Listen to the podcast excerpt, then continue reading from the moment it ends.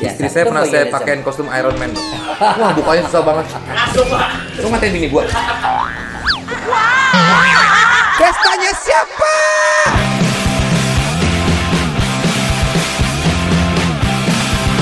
Dokter Boyke. Halo, hai Halo. Boyke. Eh. Waduh. ini ini kan perilaku menyimpang banyak banget ya, dok. ya? banyak banget. Oke, kalau yang sahabat-sahabat dok, Yang sahabat-sahabat saya punya ber- beberapa pasien juga yang mula-mula datang ke sini dengan keputihan. Terlihat kayak ada bekas sundutan rokok di Waduh. pahanya. Si wanita ini akhirnya nangis dia cerita. Cowoknya tuh baru bisa ereksi kalau dia ngelihat si cewek ini menderita. Dipecut, disundut rokok pokoknya atau dikata-katain lu brengsek lo, cowok apa cewek jelek lo, pelacur lo, di pokoknya di KDRT dengan kata-kata. Setelah si ceweknya nangis kayak gitu baru dia bisa ereksi dan bisa berhubungan seks dan bisa eh, ejakulasi. Gitu ada yang kayak gitu. Nah, itu juga penyimpangan.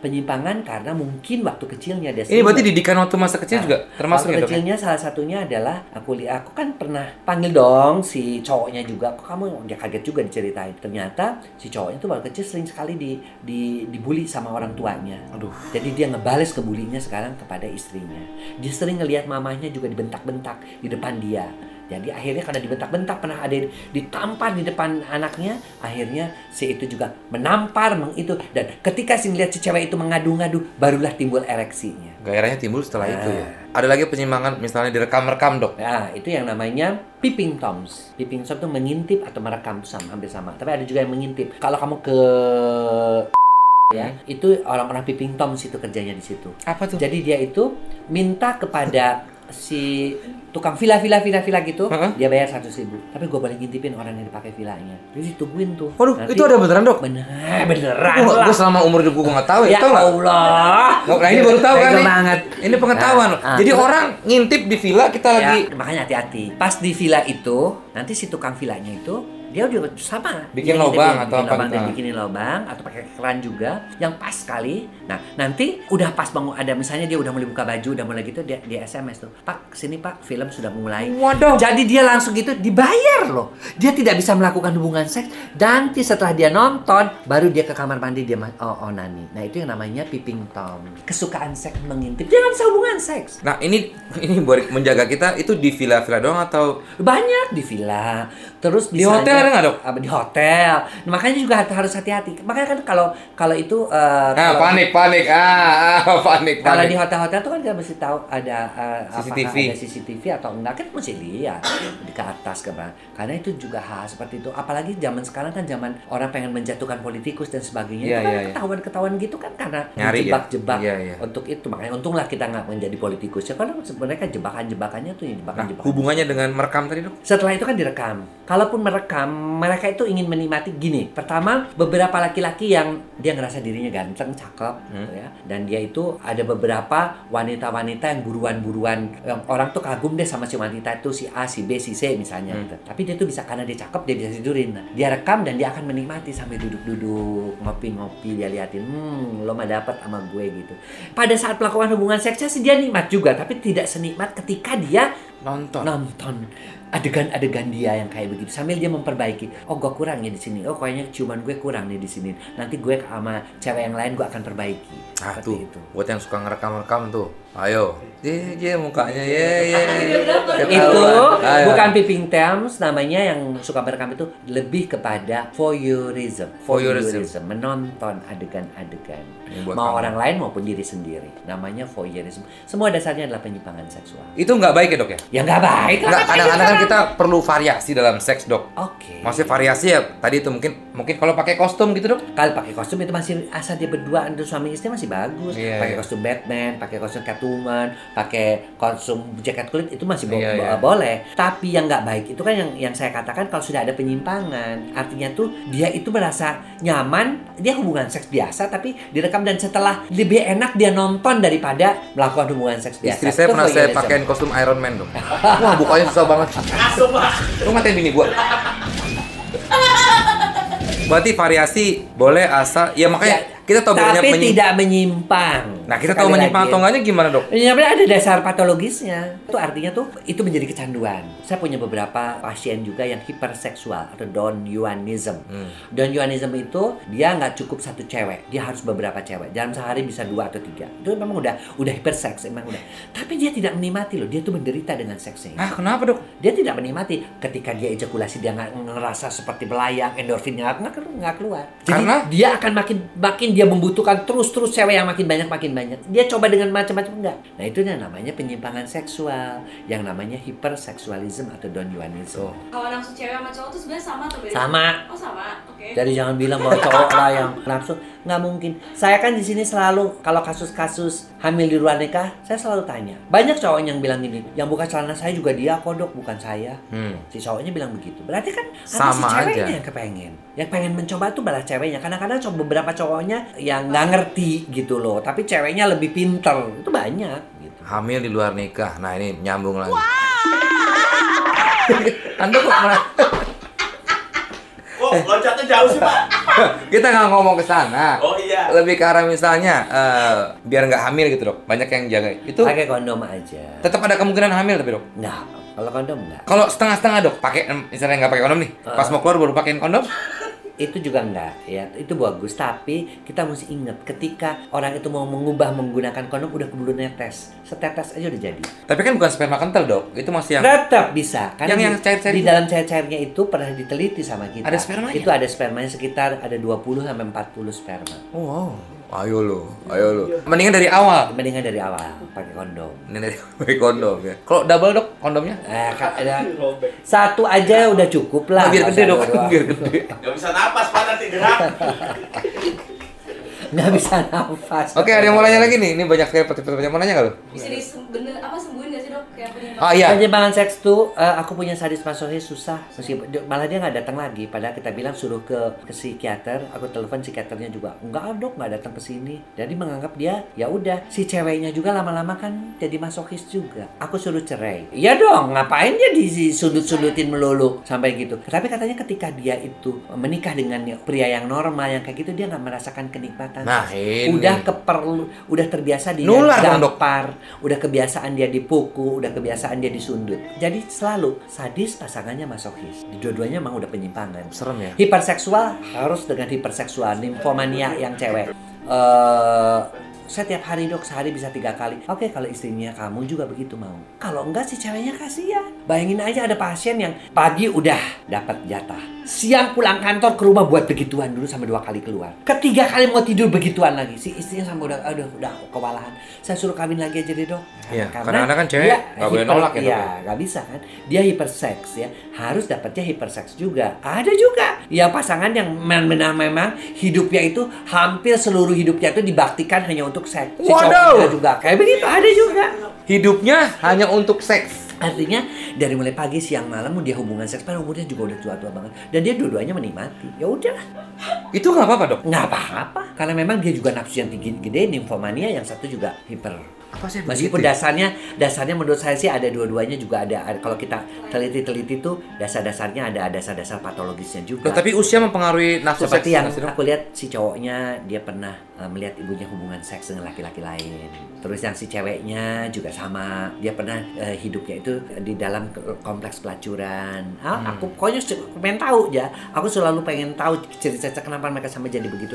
Kita misalnya kita ungkit, kita tanya, kita banyak deh. Pokoknya jadi artinya kalau dapat orang-orang yang sampai akhirnya mengalami penyimpangan-penyimpangan seksual itu pasti dasarnya juga fondasinya udah nggak kuat ya. Termasuk kan RS yang di London itu yang yang memperkosa kasus-kasus Oh, iya, itu. Itu juga pernah di ternyata Masa eh, lalunya ya? Masa lalunya dia pernah ditiduri oleh pamannya. Jadi artinya selalu ada. Ada. Ya. Kalau kita mau cari meskipun kadang-kadang nggak ada, memang kadang-kadang tidak ada. Tapi kalau kita coba ulik, coba ulik satu demi satu. Kejiwaan. Ya, seperti aku punya pasien yang nymphomania ya. Nymphomania itu apa, eh, apa? Eh, perempuan yang sampai lakinya mesti empat tiga bukan trisam lagi empat sekaligus itu juga ada yang seperti itu dan itu kalau kita lihat itu memang da- dasar-dasarnya seperti itu mereka ada kelainan-kelainan dulunya dia melihat ibunya mengalami KDRT Itu kalau saya. dari kayak gitu nggak bisa disembuhin dok. ya penyembuhannya kita minta bantuan tentu saya Kalau eh, aku sebagai eh, konsultan seks, sebagai solo nggak terlalu banyak kan yang lebih menguasai kayak gitu kayak gitu. Psikiater ya, Biasanya dok, ya? psikiater. Tapi mereka juga kadang-kadang suka nggak mau kalau disuruh ke sana. Iya, iya, gitu loh. Karena Nah. dianggapnya kan saya nggak sakit dok. Kalau yang penting kan dia juga biarpun saya pukul-pukul dia juga tetap aja menikmati kok dia juga bisa orgasme kok. Nah kadang-kadang kan suka begitu gitu. Pengaruh film itu ini nggak sih dok? Sangat, pengaruh film sangat. Apalagi Ah. kalau anak-anak yang belum mendapatkan pendidikan seks tapi udah ngeliat film-film kayak begitu, itu sangat berpengaruh. Sangat berpengaruh. Pengaruhnya Oleh karena itu kenapa hari- dok? Apa? Ya, jadi ada yang eh, namanya otak tengah ya. Otak tengah itu yang menghubungkan antara otak kiri dan otak kanan. Hmm. Otak logika kiri, otak kanan otak bahasa ya, otak eh, perasaan. Di tengah ini ada penyambung kombinasi. Nonton pornografi, nonton apa yang dirusak tuh otak tengah. Jadi nanti akibatnya apa? Kacau nih antara kiri dan kanan otaknya. Nah, di situ eh, bekerja misalnya hormon dopamin, hormon yang eh, selalu membutuhkan kecanduan-kecanduan. Keluar lagi nanti hormon oksitosin, hormon cinta. Pengennya cuma dicinta, dicinta, dicinta, dicinta aja oksitosin. Keluar lagi nanti ada hormon norepinefrin. Itu juga inginnya hanya seks, seks, seks saja. Nah, itulah karena kacaunya di otak tengah ini, maka dia akhirnya menjadi penyimpang. Nah, Makanya hati-hati nonton-nonton eh, video-video porno Iya tuh, seperti itu. VPN dinyalain lagi jadi bisa buka bebas. Tapi bukannya itu melatih kita untuk jadi tahu posisi-posisi? Oh, enggak. Kalau udah Kalau mungkin udah. posisi-posisi. Kalau orang itu sudah mengerti dan sudah pada cukup apa-apa. dewasa, oke. Tapi kan yang nonton ini kan yang eh, ngelihat anak-anak trisam, yang lihat anak-anak, eh nanti dia pak panggil lah tahun baru teman-temannya. Saya pernah dapat anak SMA Iya, iya, iya, trisam, iya. Eh. foursome. Ih, anakku cewek. Anak-anak anak-anak SMA loh. Ada sex education. Karena sex education nggak dapet. Makanya saya juga bingung kenapa sex education dilarang-larang. Padahal Iya. itu suatu pendidikan yang bagus ya. Acara mesti malam-malam. Justru mereka-mereka itu milenial Biar tahu. harus tahu yang mana yang benar, yang mana yang salah gitu. Tapi kalau nonton film porno dok, itu kan misalnya udah suami istri, terus suaminya nonton film porno, dia kan jadi ngebayangin. asal berdua sama istrinya nggak apa-apa. Oh gitu ya. Tapi kalau cuma sendiri-sendiri, nanti dia ngebanding-bandingin. Kok beda di situ tetenya gede, yang di sini kok kecil. Kok ini di situ ini gendut, kok di sini ini. Kok titiknya bisa. gede, Nah. yang ini kecil, aduh.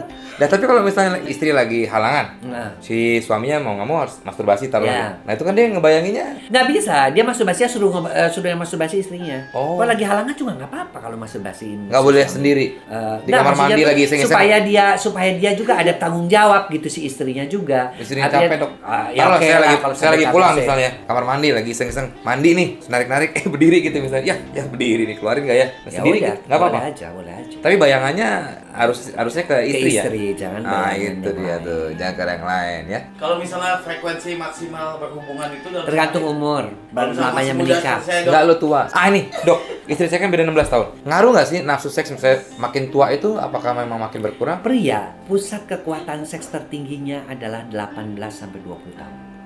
Itu adalah kekuatan seks Oh, oh. pria yang paling tinggi. Wanita, seksnya paling tingginya 35 tahun. Jauh beda banget. Lah, lah berarti 18 sampai 20 harus dipol-polin dong, Dok. Jangan dipopolin juga artinya tuh ya dia akan menurun pelan-pelan ya, pelan-pelan menurun. Tapi si istri tuh ya 20 misalnya bedanya cuma 26, cuma gitu kan masih masih belum mau mencapai puncaknya makanya Tapi saya 42 kok masih semangat, Dok. ya bagus, mungkin Bagus, karena ya? istrinya juga muda kan. Iya, iya, tapi istri Kalau- saya juga memang lebih ini sih, menggebu-gebu. Nah, lebih bagus. Istri saya nafsu banget sama saya, Dok. Aduh. Ya bahagialah. Kalau dia mah nafsu sama orang lain. Eh, jangan dong. Eh, amit amit Makanya, coy. Jangan gitu, itu Dok. ah. harus nafsunya sama suaminya sendiri. Tapi sekarang nyari waktu susah, Dok, karena ada anak tiga, Dok ya. Jadi ya mau nyari waktu kadang begitu lagi berhubungan. Ya, Anak-anak nggak dong, anak-anak dikasih kamar sendiri-sendiri. Udah, Dok, karena mereka jalan sendiri ke pintu saya nggak dikunci nih. Ya dikunci sekarang harus. Mana Itu labirin aja pak rumahnya pak. Kesesat anak gua malah nggak bisa nggak bisa pulang lagi dong. Oke terakhir mulai lagi Aryan mungkin sang kameramen ada? Pak, saya, Pak. Ah nanya mulu banyak masalah seks. Dok, kalau misalnya untuk membuat otot kita kenceng kan kita harus nge-gym gitu. Kalau Ya. untuk Mister Ada nggak dok? Taruh barbel itu di situ. Ya, gitu dong maksudnya. Senam kegel aja. Hah? Cowok dok? Cowok senam kegel ya memang sama cowok cewek. Nah kirain cewek doang. Kalau senam kegel itu, kalau buat cowok dia akan bisa mengobati ejakulasi dini. Beberapa pasien ya, saya latih untuk senam kegel jepitan. Kalau kencing tidak sekaligus, ditahan, hitung 10, dibagi 4, dibagi 3. Dia bisa lama-lama, dia bisa Bentar dok, ini ribet banget ya dok ya. Kita mau segala macam mau, mau kuat nih kayak segitu gitu. Kencing tahan dulu, kencing Iya, tahan dulu. emang itu. Iya, emang begitu. Apa? Tidak akan bikin kencing batu itu mitos. Akan bukan bikin nanti itu enggak. Nih, Tapi gini, artinya gini, kencing set setengah ya, udah setengah tuh wa gak pat mak nem jupan nanu baru keluarin lagi separuh. Hitung lagi tuh wa gak pat nah, itu kan dia lah. Nanti lama-lama sambil duduk begini pun dia bisa tuh wa gak pat jupan. Ya, akhirnya dia apa? Ketika dia mau ejakulasi sebentar, aduh, ini cewek Bisa nahan. belum belum orgasme nih, belum kelihatan tanda-tandanya, tahan dulu, bisa. Sambil ngitung tahannya. Tuh, wah. Enggak. Otomatis kita tahan begitu dia oto- otomatis nggak mau nggak mau ini. Dulu Nggak sih ah, banyak yang ngajarin ke saya kalau mau lama nih pas lagi berbuat lu bayangin nenek-nenek gitu dok katanya. katanya gitu. Oh, nenek Bayang- lampir bukannya bukannya Iya, membayangkan nenek-nenek langsung ciut kan kalau dia nenek lampir. Bener sih, kejadiannya begitu. Bayangin nenek eh tiut. Aduh. Oke dokter kalau gitu mungkin dokter mau menyampaikan apa Iya. lagi buat anak-anak Nah, muda buat anak-anak muda uh, uh, millennials Iya. ya, jangan lupa bahwa seks itu bukan sesuatu yang porno. Dan juga kalau ada sesuatu jangan kamu coba-coba sendiri, tanyakan pada ahlinya, lihat ya. Dan kemudian pendidikan seks itu penting sekali, khususnya juga buat mereka-mereka yang mau menikah. Tolong jangan sampai melakukan seks bebas. Ingat ada penyakit. Simak pendidikan seks yang baik dan yang terpenting adalah jaga stamina seks kamu sampai usia tua dengan cara diet yang seimbang, olahraga, manajemen stres dan tidur yang cukup. Iya, terima kasih dokter Boyke. Sama-sama. Pestanya siapa?